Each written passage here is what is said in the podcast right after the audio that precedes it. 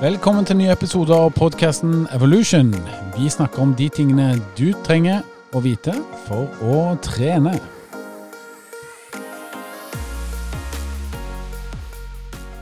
Velkommen til alle lyttere som sitter der hjemme, er ute og løper eller ute og går tur. Vi er klar med en ny episode, vi. Og i dag har jeg med meg våre eminente faste gjester og min kopilot Andreas Skjetne. Velkommen. Takk for det. takk for det. Og så har vi med den mest populære av oss tre vil jeg si, på denne podkasten. Det er vel deg, Halvor. Og det er ikke pga. den faglige kunnskapen, men pga. tørr humor. Det er pga. min radiostemme og mitt radiofjes. Veldig bra. Da er vi i gang, og vi, vi skriver jo 1. april. Um, og jeg vet ikke, jeg. Det er jo litt sånn spesielle tider med koronavirus og den situasjonen vi befinner oss i. Men uh, har dere likevel turt dere frempå med noen spøker i dag, eller? Jeg prøvde å være kjempemorsom til frokost i dag. Det ble jo avvikla umiddelbart av min samboer. Da jeg prøvde å fortelle vår yngste sønn, og eneste sønn, at han skulle bli storebror. Den hang i, luft, den hang i lufta i 39 hundredel, og så ble den tatt rett ned av mor. Ja, så vi, vi det, det, Du ble ikke firebarnsfar med det første, med andre år? Definitivt ikke. Jeg er vel i ferd med å bli singel. Veldig bra.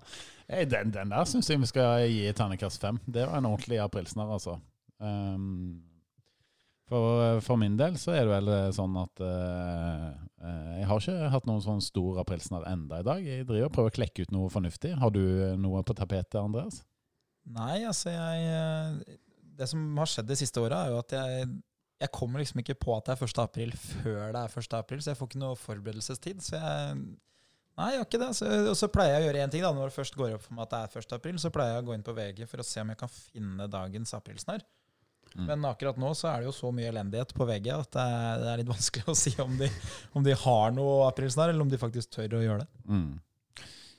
Skal vi si det sånn at vi kommer til å prøve oss med et lite budskap her i løpet av episoden som muligens kanskje ikke er helt korrekt, og så ser vi om uh, lytterne klarer å plukke opp det. Ja, og jeg skulle jo gjerne, gjerne ha sagt at uh, aprilsnarren var at uh, vi får uh, gode tilbakemeldinger om at Halvor er morsom og at han er dyktig og sånn, men det er faktisk sant, dessverre. Det er sant. Så det han, han, er flink. Trist, men sant. Trist, men sant. Ok, vi, vi, skal snakke om etterforbrenning. Det er dagens tema for denne podkasten. Og det er jo et uh, emne som er ganske sånn myteomspunnet, vil jeg si. For det, det, er mange som tror forskjellige ting om etterforbrenning, så vi skal prøve å eh, knekke uh, denne myten og fortelle hva som egentlig er virkeligheten når det kommer til etterforbrenning. Men før vi går så langt, så har jeg veldig lyst til å høre hvordan går det med treningen deres? Halvor? Ja, livet mitt det flyr av gårde i eh, høyere og høyere fart på sykkelen. Jeg har eh, endelig fått litt uttelling for eh, fryktelig mange timer på en wattsykkel i vinter. Så jeg har fått eh, jazza ut sykkelen og lufta den eh, sammen med gutta boys i nabolaget. Så nå går det jo ikke fort, men det går en del fortere enn det gjorde i fjor. Så jeg er jeg lever på en sånn fremgangsbølge som jeg håper skal vare i en 20-30 år, men sånn sannsynligvis tar slutt om 10-12 dager. Kanskje du vinner de eldste klassene på Birken, da? Altså hvis jeg i min alder Den er jo 47 nå, så hvis jeg hadde stilt i 80-årsklassen, så hadde jeg kanskje hatt sjans, faktisk. Nå, altså. Det er jo kanskje et av mine tristeste øyeblikk eh, i Birken. Det var jo når jeg satt i Håkonshall der etter å ha gått i mål, følte jeg hadde gått ganske fort. Og så ser jeg at vinneren i klassen 65 70 har slått meg med ti minutter. Da tenkte jeg fader hvor lenge jeg må gå på ski for at jeg skal få komme på podiet her. Ja, ja. Du, eh, sånn er det når du drikker øl i helgen, Andreas. Du, du har litt å ta av der.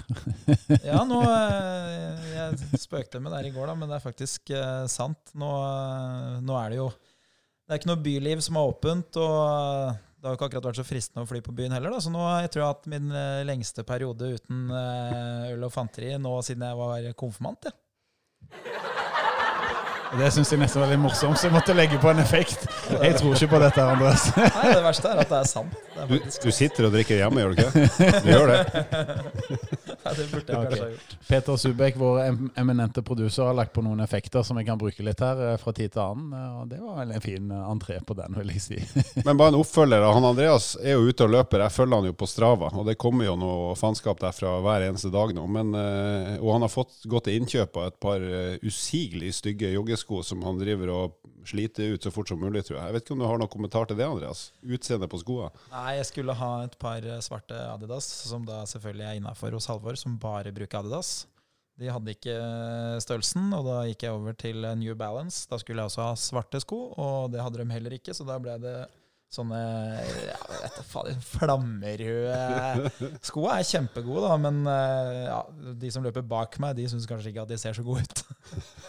Nei, men uh, fra spøk til alvor, Andreas er jo virkelig god på intervaller. Og han er god til å løpe, så han løper veldig fort. Så for de av dere som har lyst til å bli inspirert gjennom Strava, hvis man kan bli det uh, Jeg vil jo være mer deprimert når jeg ser det, men for det er han så mye bedre enn meg, så kan dere følge Andreas der. Um, vi er vel på Strava alle tre. Ja. Yes. Én sykler, to løper. Én løper fort, én løper sakte. La, oss, la det være sagt. Ok, men uh, dagens tema det passer jo bra uh, i forhold til intervallprat. Uh, etter man har kjørt noen gode intervaller, så er det vel kanskje sånn at etterforbrenning sitter godt i noen minutter etterpå. Hva er egentlig etterforbrenning, Halvor? Ja, etterforbrenning det er Veldig kort sagt så er det den forbrenninga du har i etterkant av at du har vært uh, fysisk aktiv. Uh, og da er det ei forbrenning som er høyere enn det du har når du er i hvile eller i normalsituasjon.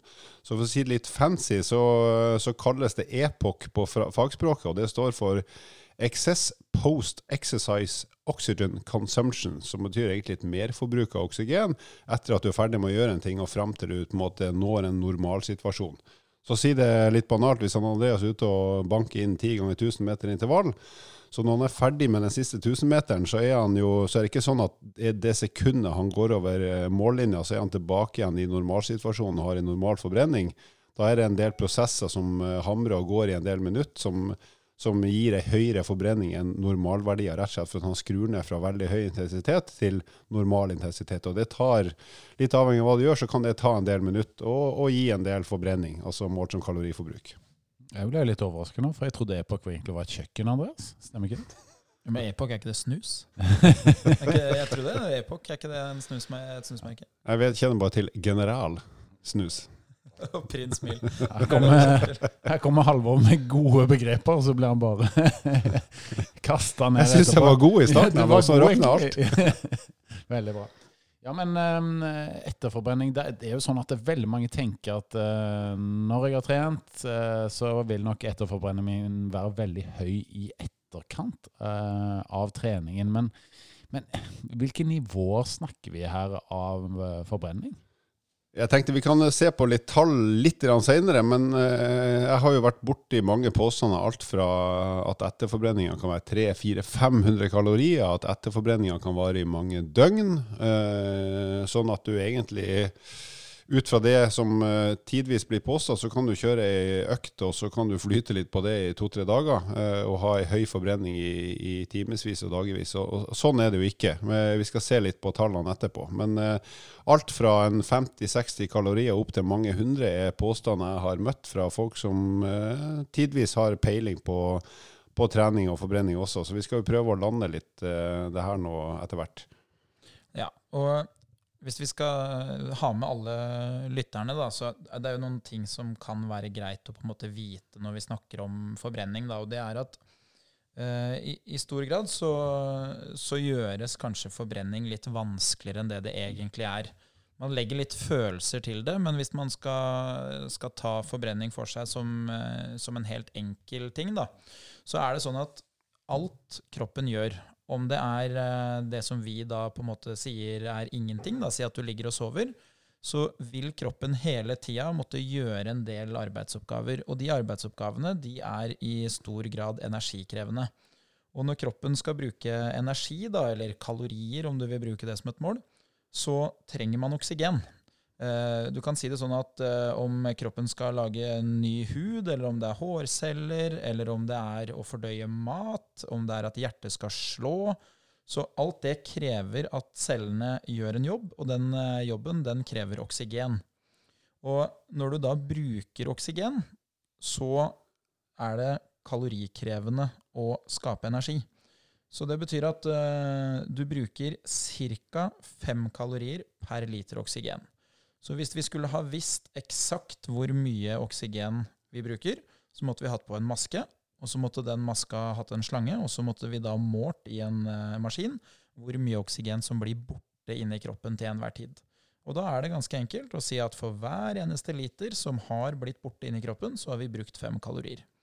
Og da sier det seg selv at hvis vi ligger helt stille i senga og ikke bruker noen muskelceller, så vil du bruke lite oksygen, for da er det jo bare de eh, basale behovene som dekkes.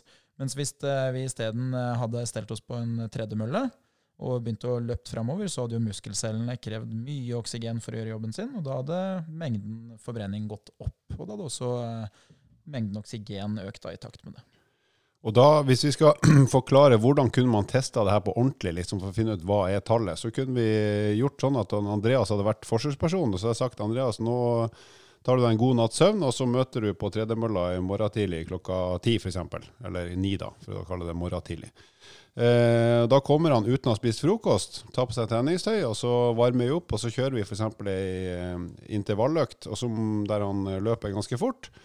Eh, og så måler vi da hvor mye energi, kalorier eller oksygen han bruker når han eh, trener i den økta. Og det sekundet han er ferdig med siste intervall, så sier vi hopp av mølla, stå stille, og etter hvert sett deg ned. Og så fortsetter vi å måle kaloriforbruket hans via en sånn oksygenmåler som du snakka om i stad. Og så måler vi det så lenge det oksygenforbruket og kaloriforbruket er høyere enn normalverdien eller hvileverdien hadde når han sto på, på morgenkvisten. Og det kan ta en del minutter, og det kan til og med ta noen timer, litt avhengig av hvor hardt du har trent. Men da vil vi se at rett etter at du er ferdig, så er jo forbrenninga høy, fordi at du akkurat er ferdig med noe hardt. Og så vil den bli lavere og lavere og lavere i løpet av noen minutter, og etter hvert, etter en kanskje 10-15-20 minutter, så vil forbrenninga di være tilnærma, eller nesten det samme som man er i hvile, men litt bitte høyere. Sånn målbart litt høyere. Og så gjør vi de målingene der helt til vi ser at nå er du tilbake igjen på normalnivå. Og da har vi gjort målingene kontinuerlig, så da kan vi si at du har brukt så og så mange liter oksygen på de minuttene her, og så regner vi det om til kaloriforbruk, og så får vi et tall som forteller akkurat størrelsen på etterforbrenninga di. Så sånn, sånn, kunne vi gjort, eller sånn kan vi gjøre en test. Og det, det er jo gjort en del forskning på det som har gjort det etter de prinsippene her. Måle forbrenninga di i aktivitet, og så måler vi etter at du er ferdig med aktiviteten, helt til forbrenninga er tilbake igjen på vanlig nivå. Ja, og det som kan være greit, da, det er jo ofte hvilket nivå er det vi snakker om her? Hvor, hvor stort er det? Uh, og da litt tilbake til sånne ting som vi har snakka om tidligere. ikke sant? Valg av uh, mørk sjokolade mot uh, lys sjokolade, eller hva skal jeg spise? Så det er, litt, det er, litt, viktig å snakke Er det små marginer, eller er det store forskjeller? Og når vi da snakker om forbrenning, så har vi jo vært inne på det at hvis du, hvis du går eller løper en kilometer, så kan det være sånn enkelt mattestykke å røftlig si at du bruker antall kalorier etter hvor tung du er. Så Hvis vi tar løping først, da, så er det jo sånn at hvis du løper 1 km, altså 1000 meter rett fram, og veier 100 kg, så vil du bruke 100 kalorier. Og det er noe av det høyeste tallet du klarer å forbrenne. For da er det jo veldig aktivitet, du blir jo svett, du blir sliten. Mens etterforbrenninga er på et mye, mye lavere nivå.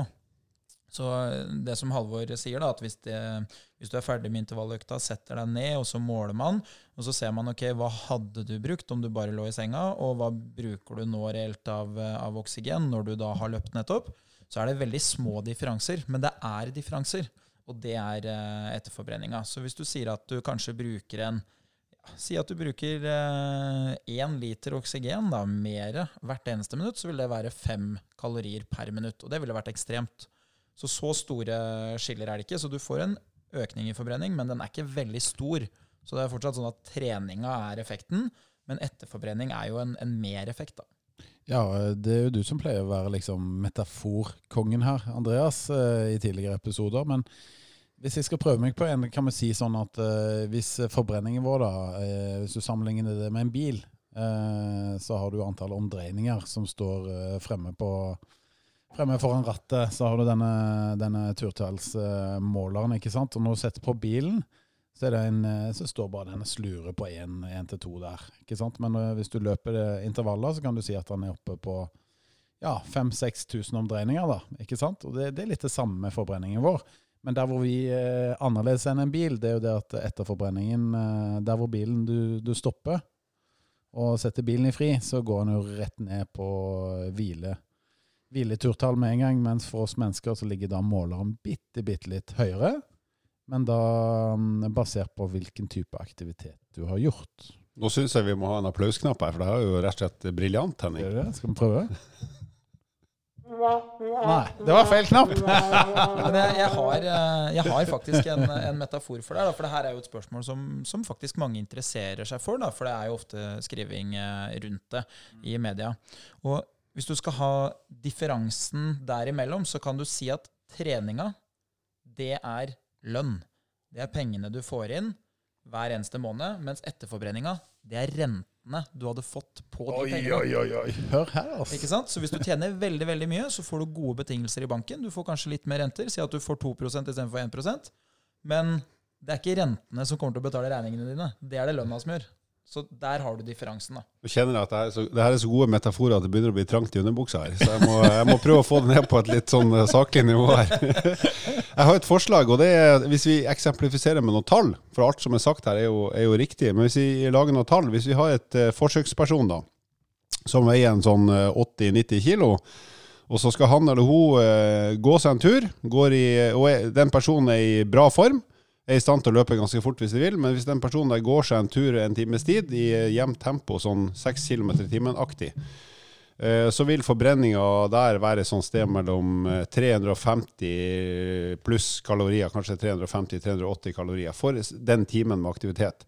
Og så vil de ha en målbar etterforbrenning som er bitte litt. Den vil sannsynligvis utgjøre et sted mellom 10 20 kalorier. Så da får du liksom forbrenningseffekten som er 350 i den timen i går, og så har de litt høyere forbrenning etter at de er ferdige å gå, som tilsvarer en sånn 10-15-20 kalorier. Så totalen da blir 370. Så du får en liten sånn rente, hvis du skal kalle det Hvis det samme personen uh, sier at nå skal jeg kjøre litt tøffere, så nå løper jeg heller i en uh, snau times tid, uh, La oss si de løper i 10 km i timen, så vil uh, forbrenninga ligge på rundt 700 kalorier. 700-800 kalorier uh, for den uh, løpeturen på en times tid. Uh, mens etterforbrenninga vil da være høyere fordi at de har jobba hardere i den timen. De har rett og slett løpt fortere, altså gjort en større jobb, hatt en høyere forbrenning i den treningstimen. Så da vil etterforbrenninga kunne bli opp mot en 30-40 kalorier istedenfor de 10-15-20 som var etter gåturen. Eh, og Så har du siste eh, variant. Samme person, gønner på litt uh, mer. Løper intervaller, f.eks. sånne fireminuttersdrag. Så da er det full fyring i fire minutter, og så er det et par-tre minutter pause. Og så gjør de det kanskje fem runder totalt. Da jobber du knallhardt. Da er forbrenninga i løpeintervallene enda høyere enn det det var i snitt på den der 10 km joggeturen. Sånn at totalforbrenninga på en sånn økt kan være opp mot en 750-800 kalorier. Og så vil etterforbrenninga bli enda litt høyere enn etter den der eh, joggeturen på ei mil, fordi at de har jobba så hardt i intervallene. Så da vil etterforbrenninga kunne være helt opp mot en 30-40-50, kanskje 60 kalorier etter at de er ferdig med siste intervall. Sånn at summen av en sånn tøff intervalløkt, der du tross alt har ganske mange minutter med høy intensitet, kan bli høyere enn en uh, jevn, bra løpetur, fordi at uh, intensiteten er så mye høyere i selve intervallet. Så selv om du har pauser som trekker litt ned på forbrenninga, så kan totalen bli litt høyere. Mm. Så det man kan si da, hvis vi skal oppsummere litt her, at etter forbrenning på å gå raskt, jevnt tempo 6 km i timen, da har du 20 kalorier i etterforbrenning. Hvis du løper jevnt tempo 10 km i timen i 50 minutter, så vil du se på ca. 100 kalorier i etterforbrenning. Ja, litt, litt, lav, litt avhengig av fart og sånn, men sånn sier i hvert fall en 40-50, og kanskje opp mot 100, eh, litt avhengig av fart og, størrelse på personen. Ikke sant. Og så har du siste eksempelet, hvor det var enda litt mer når du løp intervaller. og Da bikker du godt over 100. Ja, kan ja. du, ja. Men, men, det spørs, ikke sant? for alt er jo liksom eh, relativt her. Det kommer an på hvor mye du pusher deg sjøl, og det kommer an på hvor mye du veier. Altså. Ja, og det, så, og det eksempelet her så snakker vi om et menneske som er i veldig god form, som er i stand til å løpe fort i intervallene. Mm. Hadde det vært et menneske som er i dårligere form, som bare, bare i gåseøyne kan gå fort i intervallene, så blir jo de tallene her mye mindre. Både i forbrenning i trening og etter forbrenning. Ja, jeg tok utgangspunktet meg selv her da når jeg sa 10 km i timen, for jeg veier jo ganske mye, Halvor. Gjør du det, altså? Ja. Du ser så slank og fin ut. Og det er jo det som er viktig å huske, da, og det er jo sånn generelt for, eh, for alt som handler om trening, og det er at eh, kroppen, den er eh, Altså, det handler om å fortjene det å bruke mange kalorier. Så jobben du gjør, den beskriver jo hva du vil få i resultat. Så hvis treninga du gjør, er lang, den er tung, eh, så er det liksom Da er det jo en grunn til at kroppen må bruke mye energi. Og sånn er det også med etterforbrenninga, at jo tøffere jobb du har gjort, jo høyere etterforbrenning får du. Fordi etterforbrenninga i seg selv, den har jo en effekt.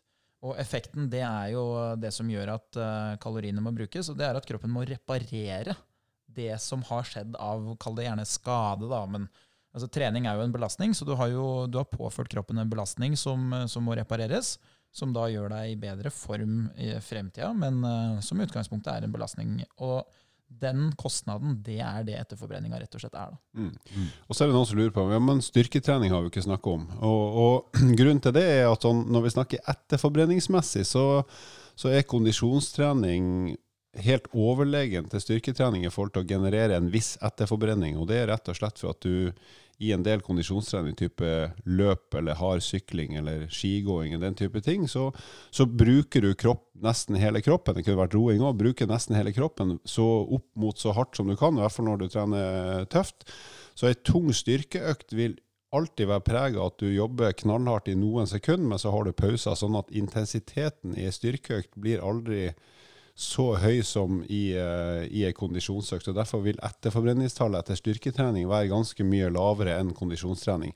Rett og slett for at du er nødt til å jobbe i mindre perioder når du jobber hardt i styrketreninga. Ja, kondisjons... Styrketrening har jo utrolig mange andre positive effekter som kommer etter at du er ferdig å trene. Ja, Kondisjonstrening er stort sett et kontinuerlig arbeid, med unntak av noen intervaller. Men stort sett da òg så er det arbeid mesteparten av tiden. Kommer an på intervallen, selvfølgelig, men uh, der kan jo liksom ikke styrketrening uh, sammenligne, seg selv, med mindre det er en type sirkeltreningsvariant da, hvor man er aktiv mer eller mindre hele tiden. Ja, og Det har man sett i studier, at de styrketreningsformer der man tross alt har et innslag av etterforbrenning som er målbart og til en viss grad interessant, så er det sånn sirkeltrening. Korte pauser og, og ganske intensiv jobbing eh, over en halvtime, tre kvarter. Så det, det vil gi en, eh, en målbar etterforbrenning.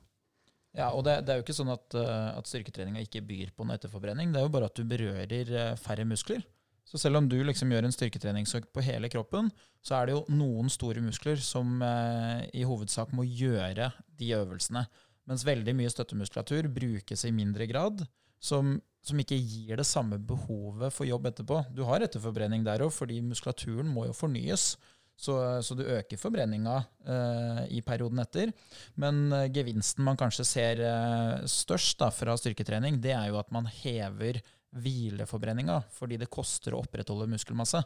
Så du vil jo øke forbrenninga der òg, men når vi snakker om akkurat etterforbrenning, det, det lille tidsrommet etter at du har gjennomført en treningsøkt, så er ikke etterforbrenninga så stor.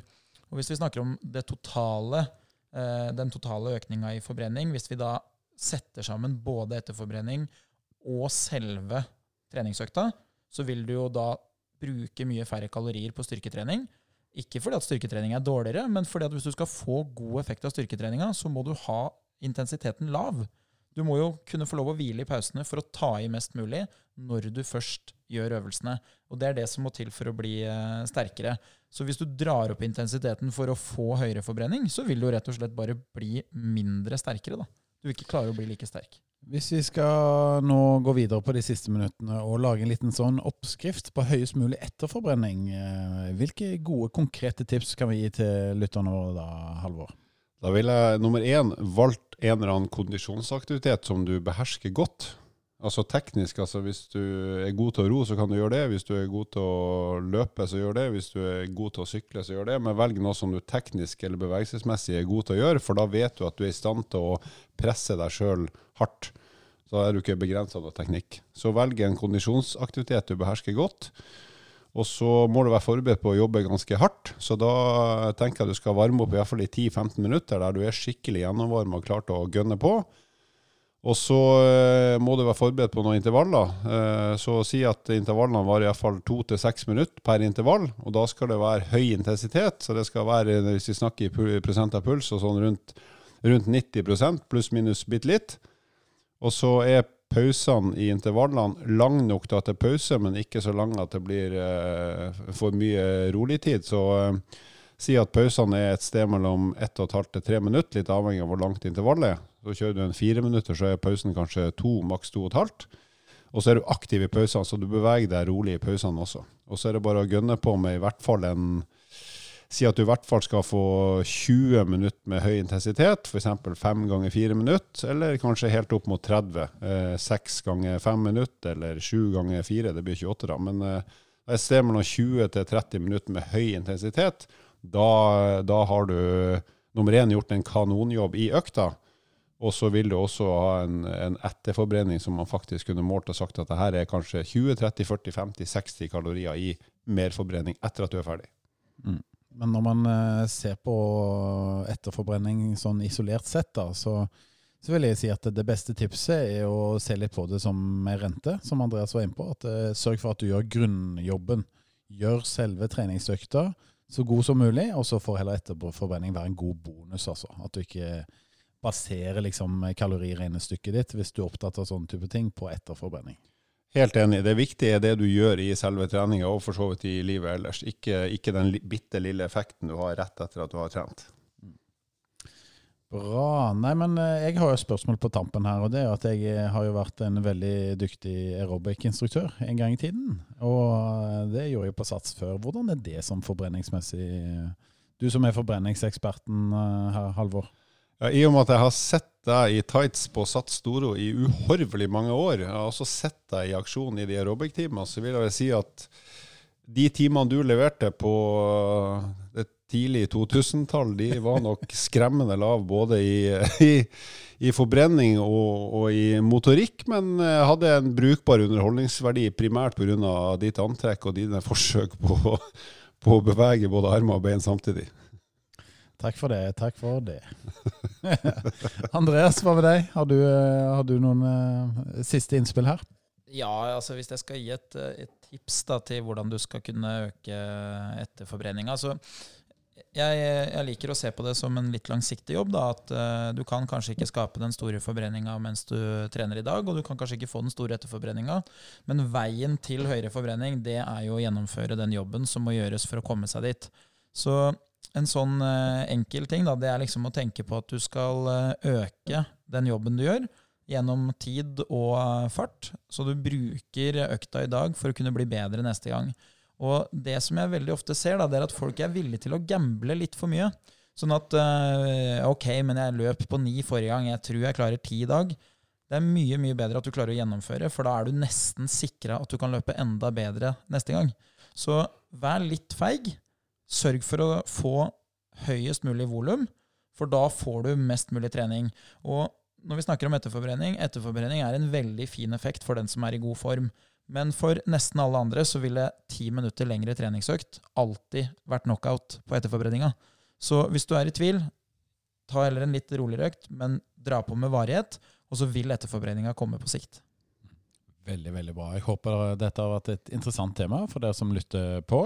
Um, vi nærmer oss slutten, men uh, i disse tider som er litt spesielle, så har jeg veldig lyst til å høre på hva deres uh, boktips er, gutter. Fordi at uh, vi gikk jo gjennom litt sånn Netflix, HBO, litt sånn forskjellige løsninger her. Men det, sist gang du var innom her og lagde en episode, Alvor, så fikk jo du en bok med hjem fra meg. Ja, det var en biografi av Tor Hushovd. Ja, og den, den, har jeg faktisk begynt på siden jeg har blitt så glad i å sykle, så eh, den kan anbefales. Kult. Jeg eh, fikk jo en bok her eh, til jul som jeg ikke har plukka frem tidligere. fordi disse dagene går jo fort. Det er mye jobbing, og det er unger og trening. ikke sant? Så jeg har begynt eh, Nå har jeg litt mer tid, så da har jeg funnet fram eh, boka til Gjert Ingebrigtsen og begynte å lese på den, så jeg kom til 80 sider ut i boka. Og det må jeg si at eh, den er veldig engasjerende. Det er ei bildebok, ikke sant? det er bilder inni der, men det, det, er mer enn det, altså. det er tekst.